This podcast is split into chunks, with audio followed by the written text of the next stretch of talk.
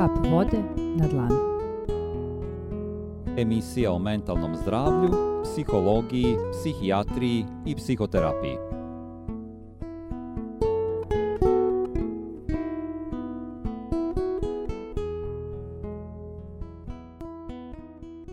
Dobro veče. Slušate emisiju Kap vode na dlanu. Sa nama je večeras Tamara Bradić, psihoterapeut. Tamara će nam predstaviti temu o vršnjačkom nasilju. Tamara, dobroveče, dobro nam došla. Vršnjačko nasilje je važna i aktuelna tema danas.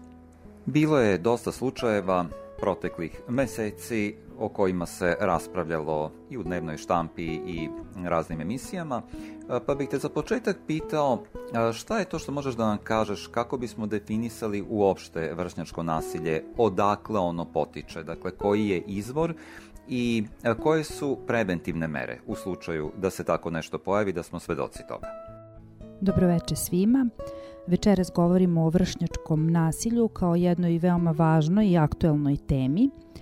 E, inače, nasilje i različite vrste nasilnog ponašanja se kroz istoriju javljaju u raznim formama i uprkos razvitku društva, nasilje je očigledno problem sa, koji, sa kojim se društvo u svim fazama razvoja bori na različite načine.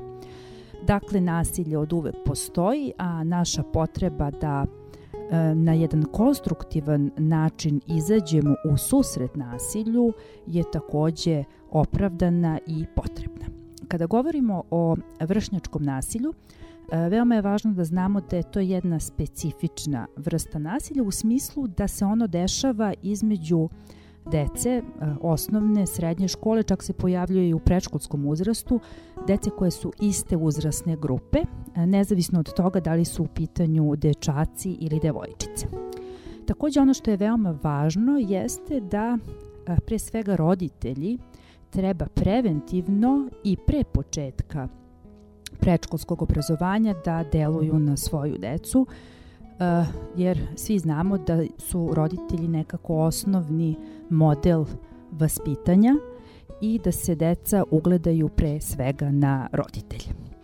Istraživanja o nasilju u školi kao sastavni deo uh, raznih programa koja se sprovode u školi ukazuju da je ono veoma rasprostranjeno u osnovnoj školi bez obzira na uzrast, pol ili veru. Tako da smo kao roditelji e, veoma odgovorni pred tom temom, ali i škola kao jedna obrazovno-vaspitna institucija je dužna da posebno obrati pažnju i na vaspitnu ulogu dece i da svojim preventivnim, edukativnim i kreativnim programima utiče na to da učenici razviju uh, konstruktivne stilove rešavanja konflikta kako ne bi uopšte došlo do toga da bilo koja vrsta komunikacije pređe u nasilje. E sada, šta je nasilno ponašanje? Većina dece u svom odrastanju ima periode agresivnosti ispolje, koji se ispoljavaju kroz protestovanje, vikanje, udaranje, lupanje i tako dalje i tako dalje. I najviše, takođe se ispoljava kroz svađanje sa svima, a najviše sa odraslim osobama. Svojim ponašanjem uh, deca znaju da dovedu roditelje do čuđenja, zbunjenosti, do iznenađenja. I to nekako dodatno otežava očekivanje sredine od roditelja da nešto preduzmu, da zaštite, da uvedu u red ponašanje deteta, jednom reču da kontrolišu situaciju. E, I to kod zbunjenih i zatečenih roditelja stvara jednu napetost, uznemirenost, čak i paniku. I onda se postavlja pitanje šta mi, kao roditelji, da radimo u takvim situacijama. E sad, za to ne postoji neka jedinstvena preporuka, zato što situacija zaista jeste kompleksna, imajući u vidu specifičnost svakog deteta, ali ono što je uh, važno uh, jeste da E, je neophodno šta god da se desi da reagujemo. Znači uvek i bez odlaganja reagujte na sva agresivna i nasilna ponašanja pre nego što se nasilje rasplamti. E sada, zašto je važno reagovati? Da bismo sprečili da takvo ponašanje deteta postane obrazac. Ukoliko mi kao roditelji ili kao obrazovna institucija, nastavnici u školi, pedagozi, psiholozi ne reagujemo prvi put kada uočimo da postoji bilo koji oblik nasilnog ponašanja, e, de, deca će nekako od nas dobiti poruku da je takvo ponašanje normalno, opravdano, da ne zaslužuje nikakvu prosto sankciju, nadoknadu štete i onda će takav obrazac rešavanja konflikata e, prosto preći u naviku i e, što dovodi prosto da dobijemo na kraju jedno nasilno društvo.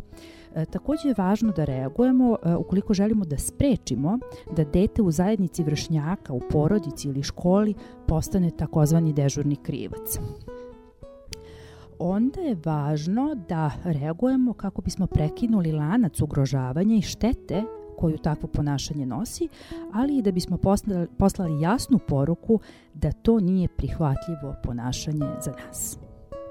U slučaju da primetimo agresivno ponašanje, šta je po tebi najbolji način kako da reagujemo na to?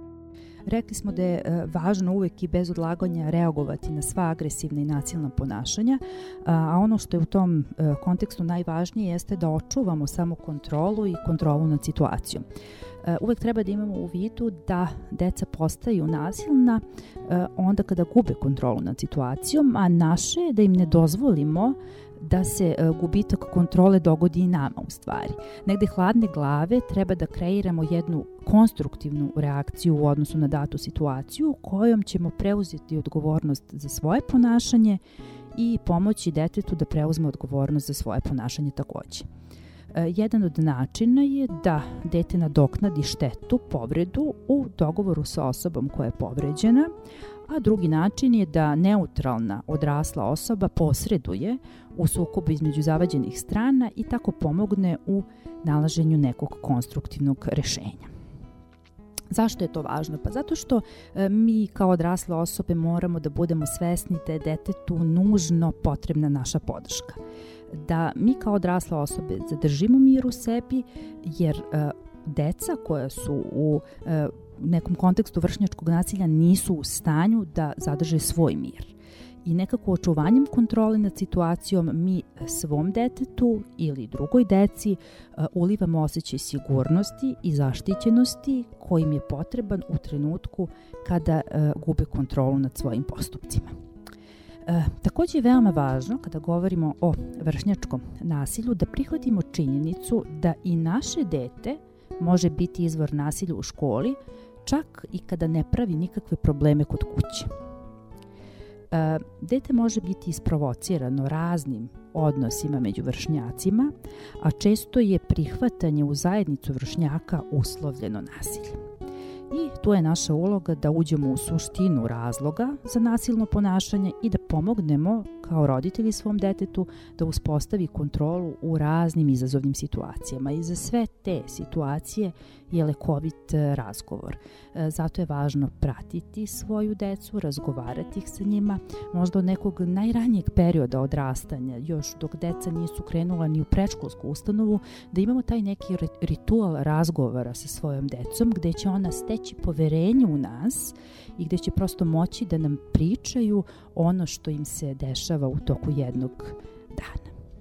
Iako svaki roditelj smatra da je njegovo dete najbolje šta uraditi u slučaju da neko prijavi vaše dete da je akter vršnjačkog nasilja. Na primjer, desio se incident u školi i vaše dete je bilo pokretač tog incidenta, učestvovalo je u vršnjačkom nasilju i označeno je kao krivac, pokretač.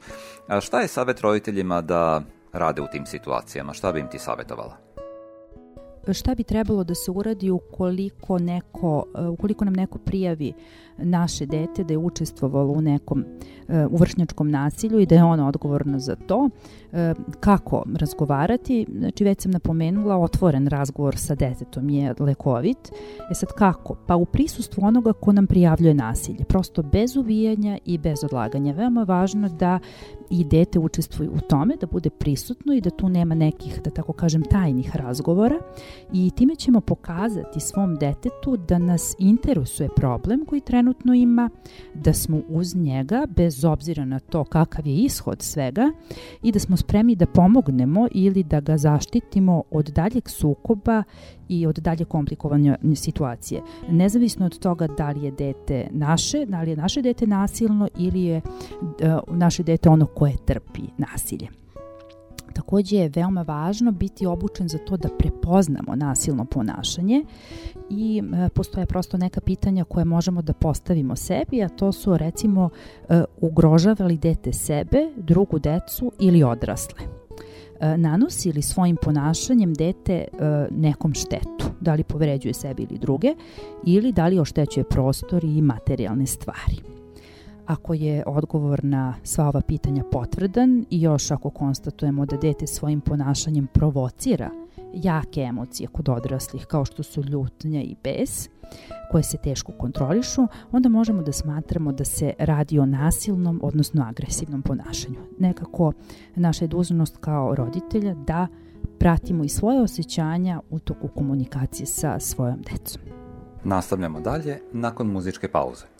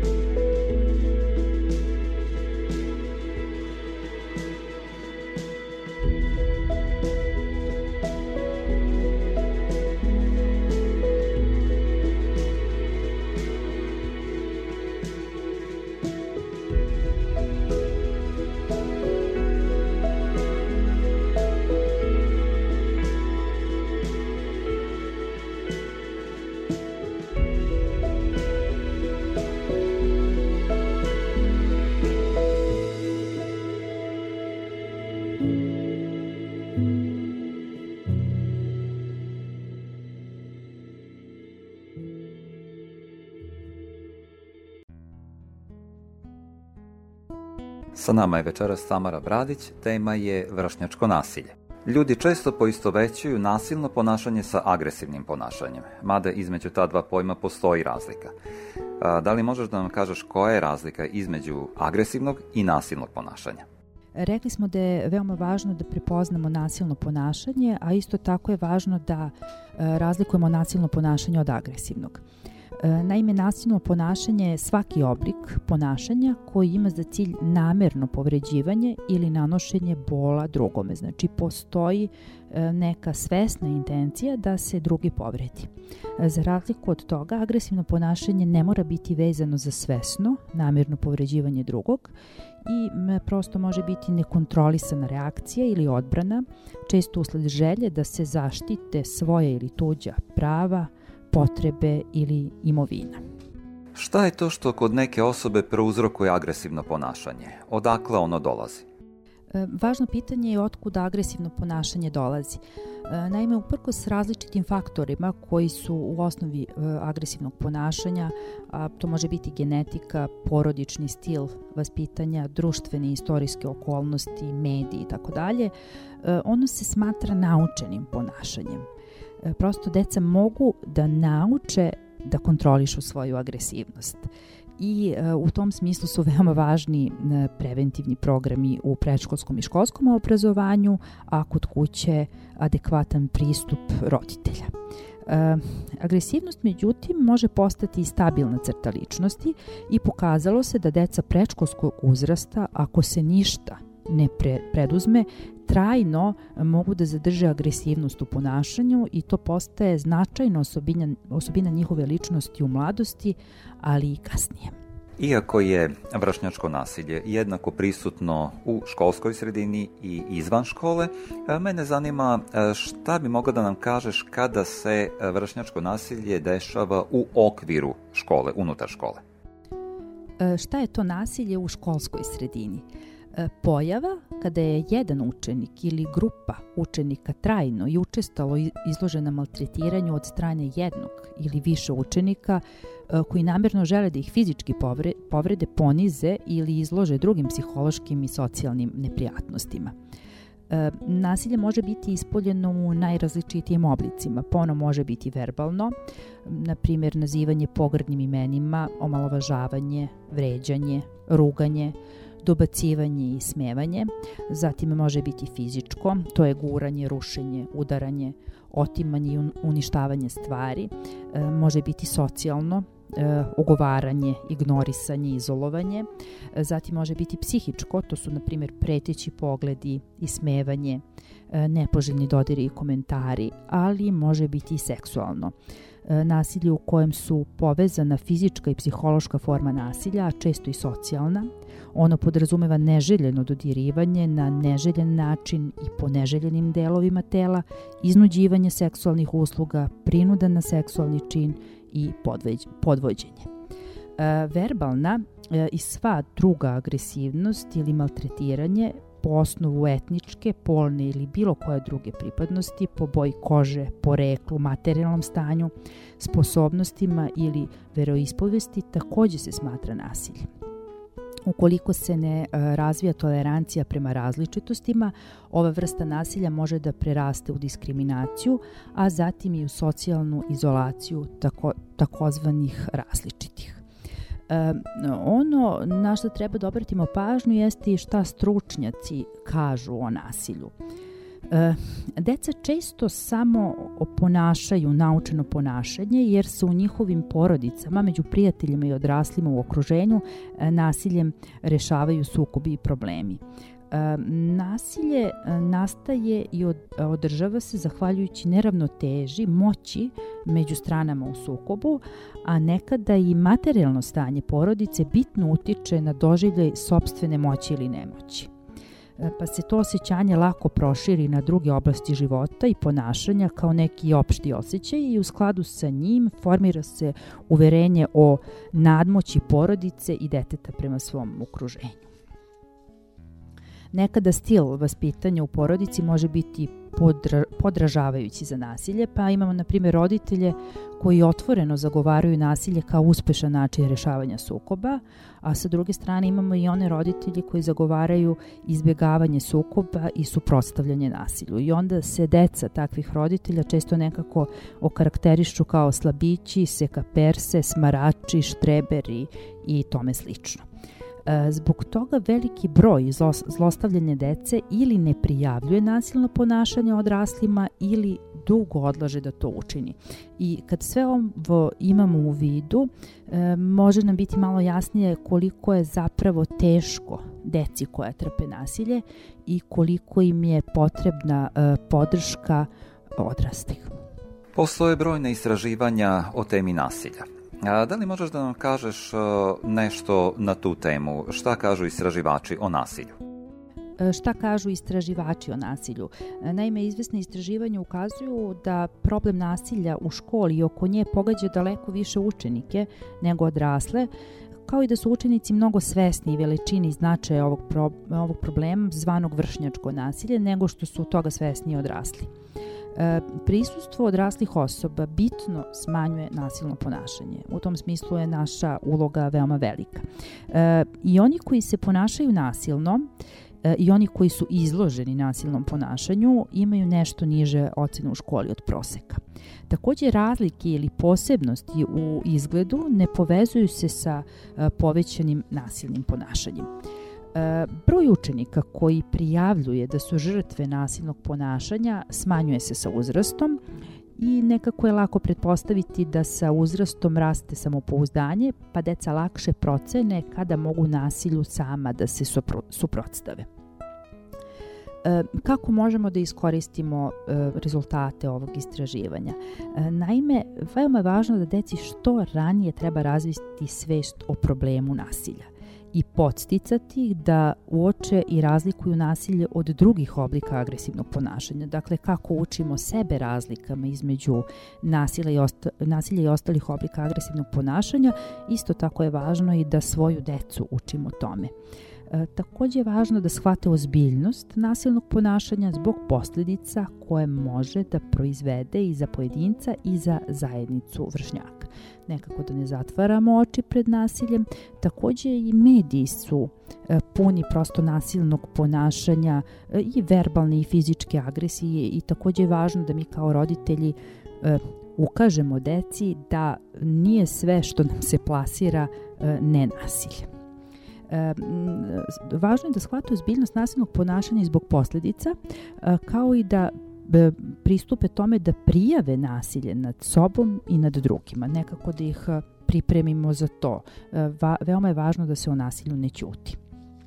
Takođe je važno da, da deca nauče da razviju e, konstruktivne stilove suprotstavljanja nasilju. E sada roditelji e, možda nisu u mogućnosti da rade sa decom u tom smislu, ali zato obrazovne institucije te kako mogu svojim različitim delotvornim edukativnim programima da uče decu konstruktivnim rešavanjima konfliktima, konflikata. E, što ranije treba početi rad sa decom na tome da usvoje repertoar konstruktivnog suprotstavljanja nasilju. E, svakako pre nego što počnu sama da procenjuju svoje moći i spremnost da snagom rešavaju probleme i sukobe s vršnjacima, to jest da na nasilje odgovore nasilje i osnažiti decu da se nasilju suprotstave zajedno, e, odnosno da ih ohrabrujemo, da oni ohrabruju jedni druge i da savezništvom uspostave ravnotežu moći. Jer ono što je veoma važno jeste da nasilnom ponašanju nikako ne možemo da se suprostavimo individualno, da nam je za to e, potrebna podrška e, šire društvene zajednice. U našem društvu postoje različita mišljenja o vršnjačkom nasilju kada se ono dogodi. Da li ga treba prijavljivati, da li ga rešavati, ostaviti to tako? Koje je tvoje mišljenje? Šta bi tu bilo najbolje uraditi? Često ćemo čuti komentare da je prijavljivanje nasilja obično tužakanje koje dovodi do toga da je onaj ko je izložen nasilju još izloženiji, a onaj koji nasiljem demonstrira moć još moćniji. I veoma često se to dešava. Da se to ne bi dešavalo, potrebni su udruživanje i podrška, ne samo vršnjaka, već i odraslih, podrška u obliku nedelovanja, to jest reakcija nenasilja u trenutku kada se nasilje dešava, kao i jasna namera onih koji odlučuju i upravljaju da se nasilju suprotstave odlučnim merama. E, I deci i odraslima treba da bude jasno da se nasilju ne možemo suprotstavljati usamljenim akcijama i traženjem zaštite. E, to može trenutno da olakša situaciju, ali i razvija nerealna očekivanja da će zaštita uvek od nekud stići. E, trajnu zaštitu e, može da obezbedi samo organizovano i sistemsko suprotstavljanje nasilju na nivou zajednice kroz uspostavljanje legalnih načina zaštite, prava svih na bezbedan život i na sigurno okruženje. Sada jedna muzička pauza i nastavljamo dalje.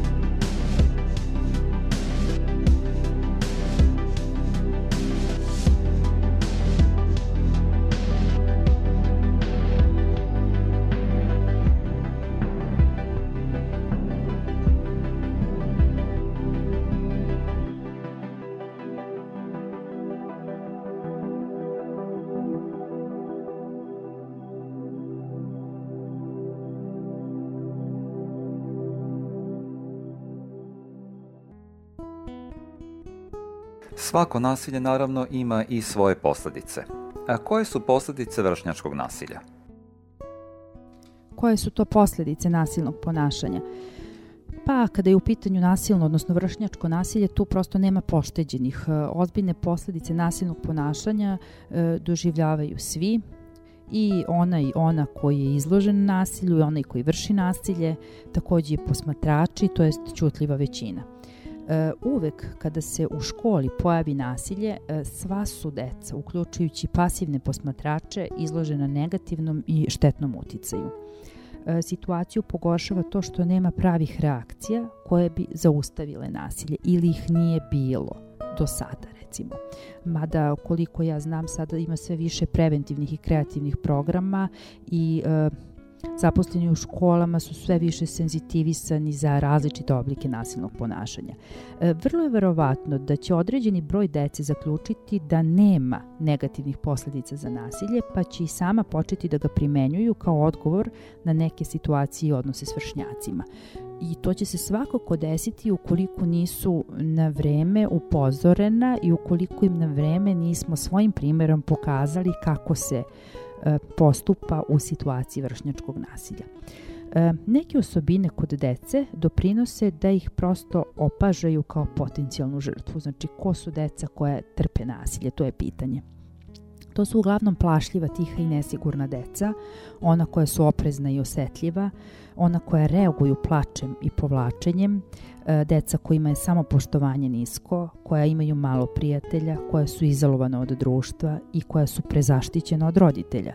Znači, brižni roditelji koji rade umesto dece su oni roditelji koje, koji stvaraju potencijalne žrtve za bilo koji oblik trpljenja vršnjačkog nasilja i fizički slabija deca, recimo niska, slabašna, hendikepirana deca sa hendikepom.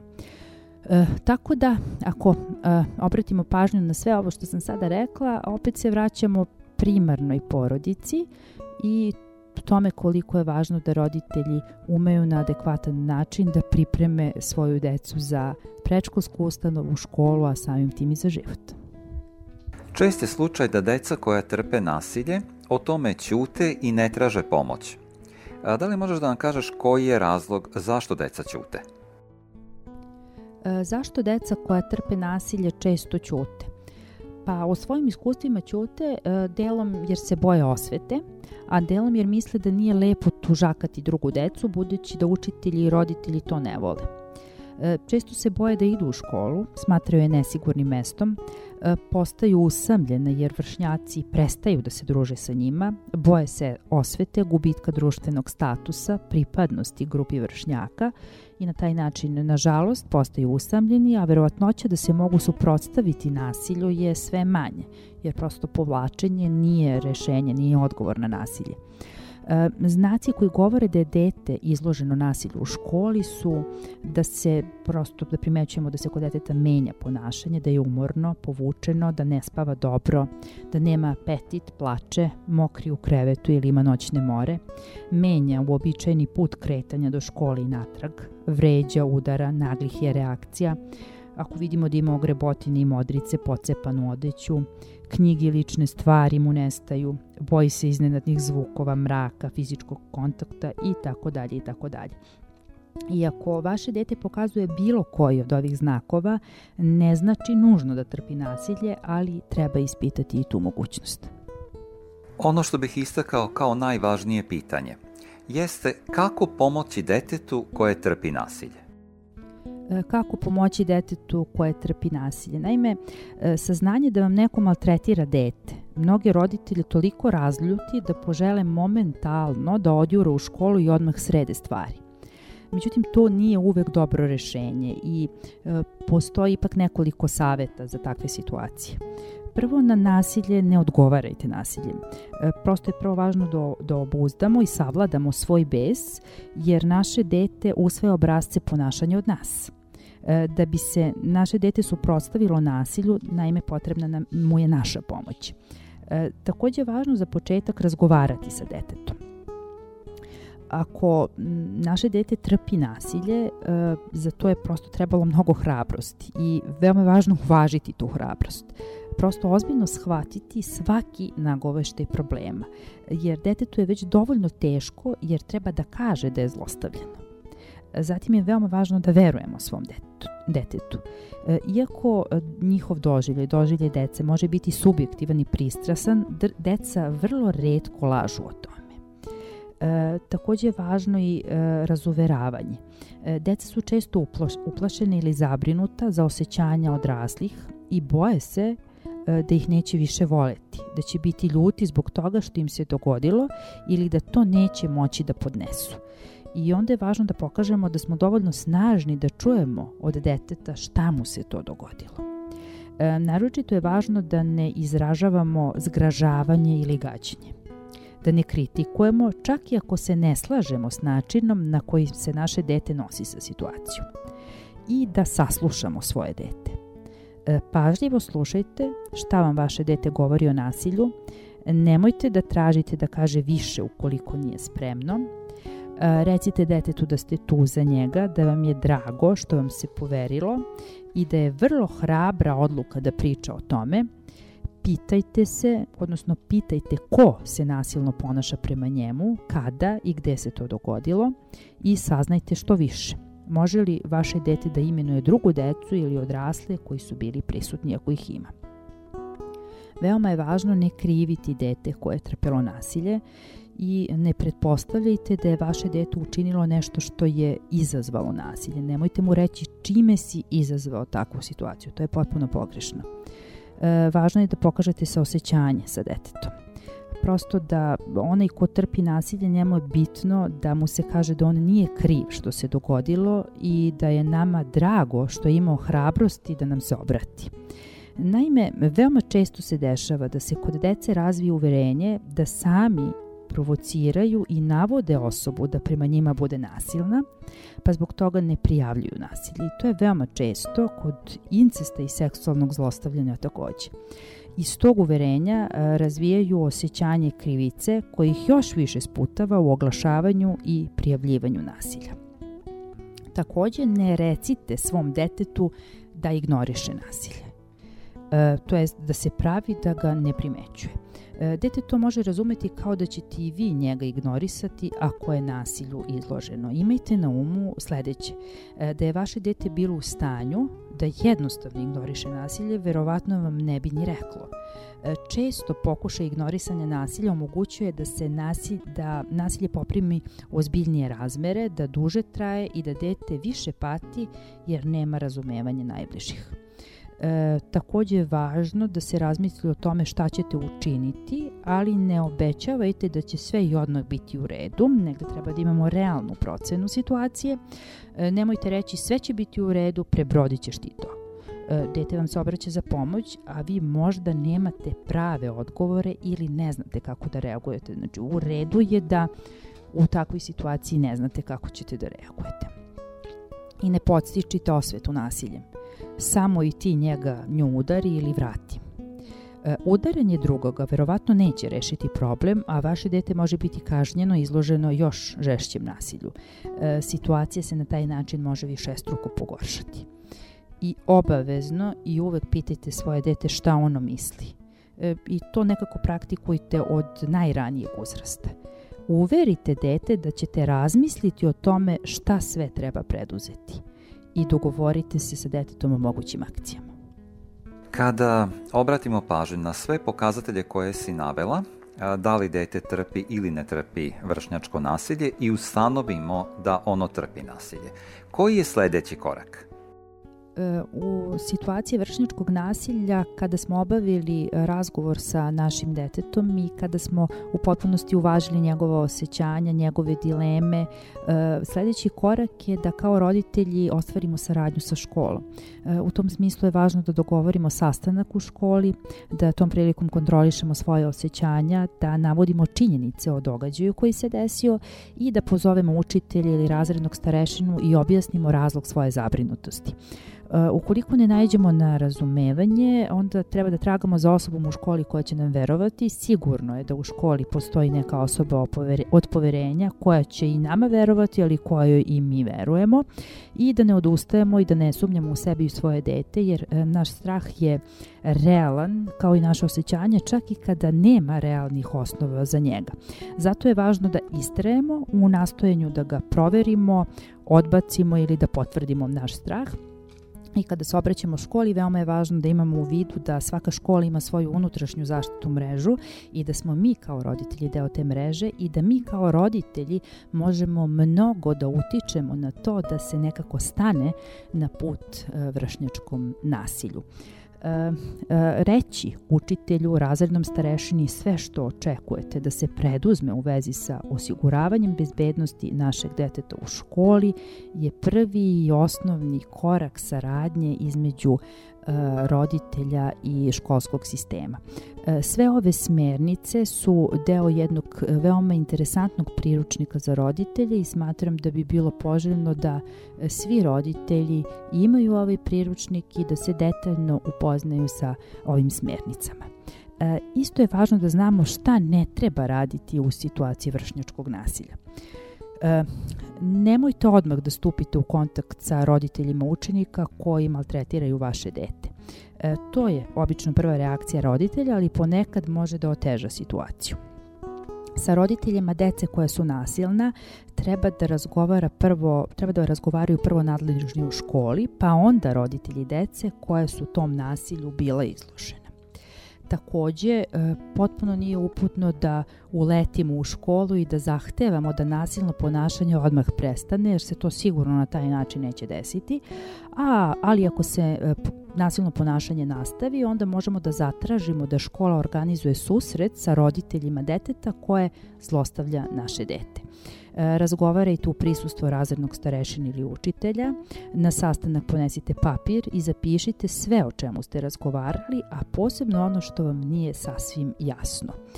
I e, sledeće smernice koje treba zapravo da imamo na umu su da neki roditelji nisu skloni da prijeve nasilno ponašanje školi, ali se ono neće zaustaviti bez angažovanja svih.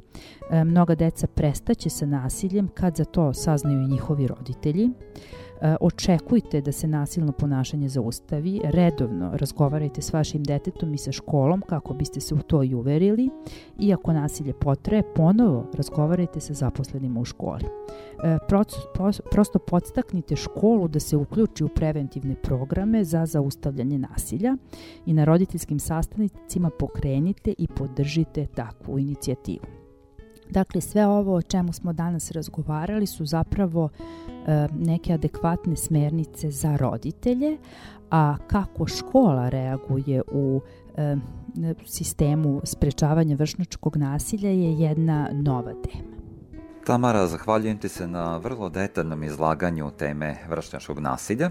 Siguran sam da će ovo biti od velike pomoći kako roditeljima, tako i prosvetnim radnicima e, da znaju šta je najbolje da čine kada je vršnačko nasilje u pitanju. A da li ima još nešto što bi poručila našim slušalcima? Za kraj. Ono o čemu smo danas razgovarali su smernice za roditelje e, za situaciju vršnjačkog nasilja. Ove smernice su iz priručnika koji se zove Priručnik za roditelje, šta je danas bilo u školi i ovaj priručnik je nastao kao deo projekta Škola bez nasilja. Kap vode na dlanu.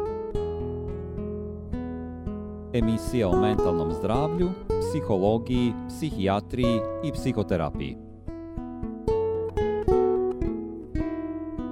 Temu pripremila Tamara Bradić, psihoterapeut. Emisiju vodio i tehnički obradio Igor Pavluković. Autor muzike Vuk Bradić. Redakcija emisije Kap vode na dlanu. Primarius dr. Anđelka Kolarević, Tamara Bradić i Igor Pavluković. Slušajte naš podcast svakog četvrtka od 19 časova na Facebook stranici Kap vode na dlanu. Želimo vam prijatan unutrašnji rast. Do slušanja.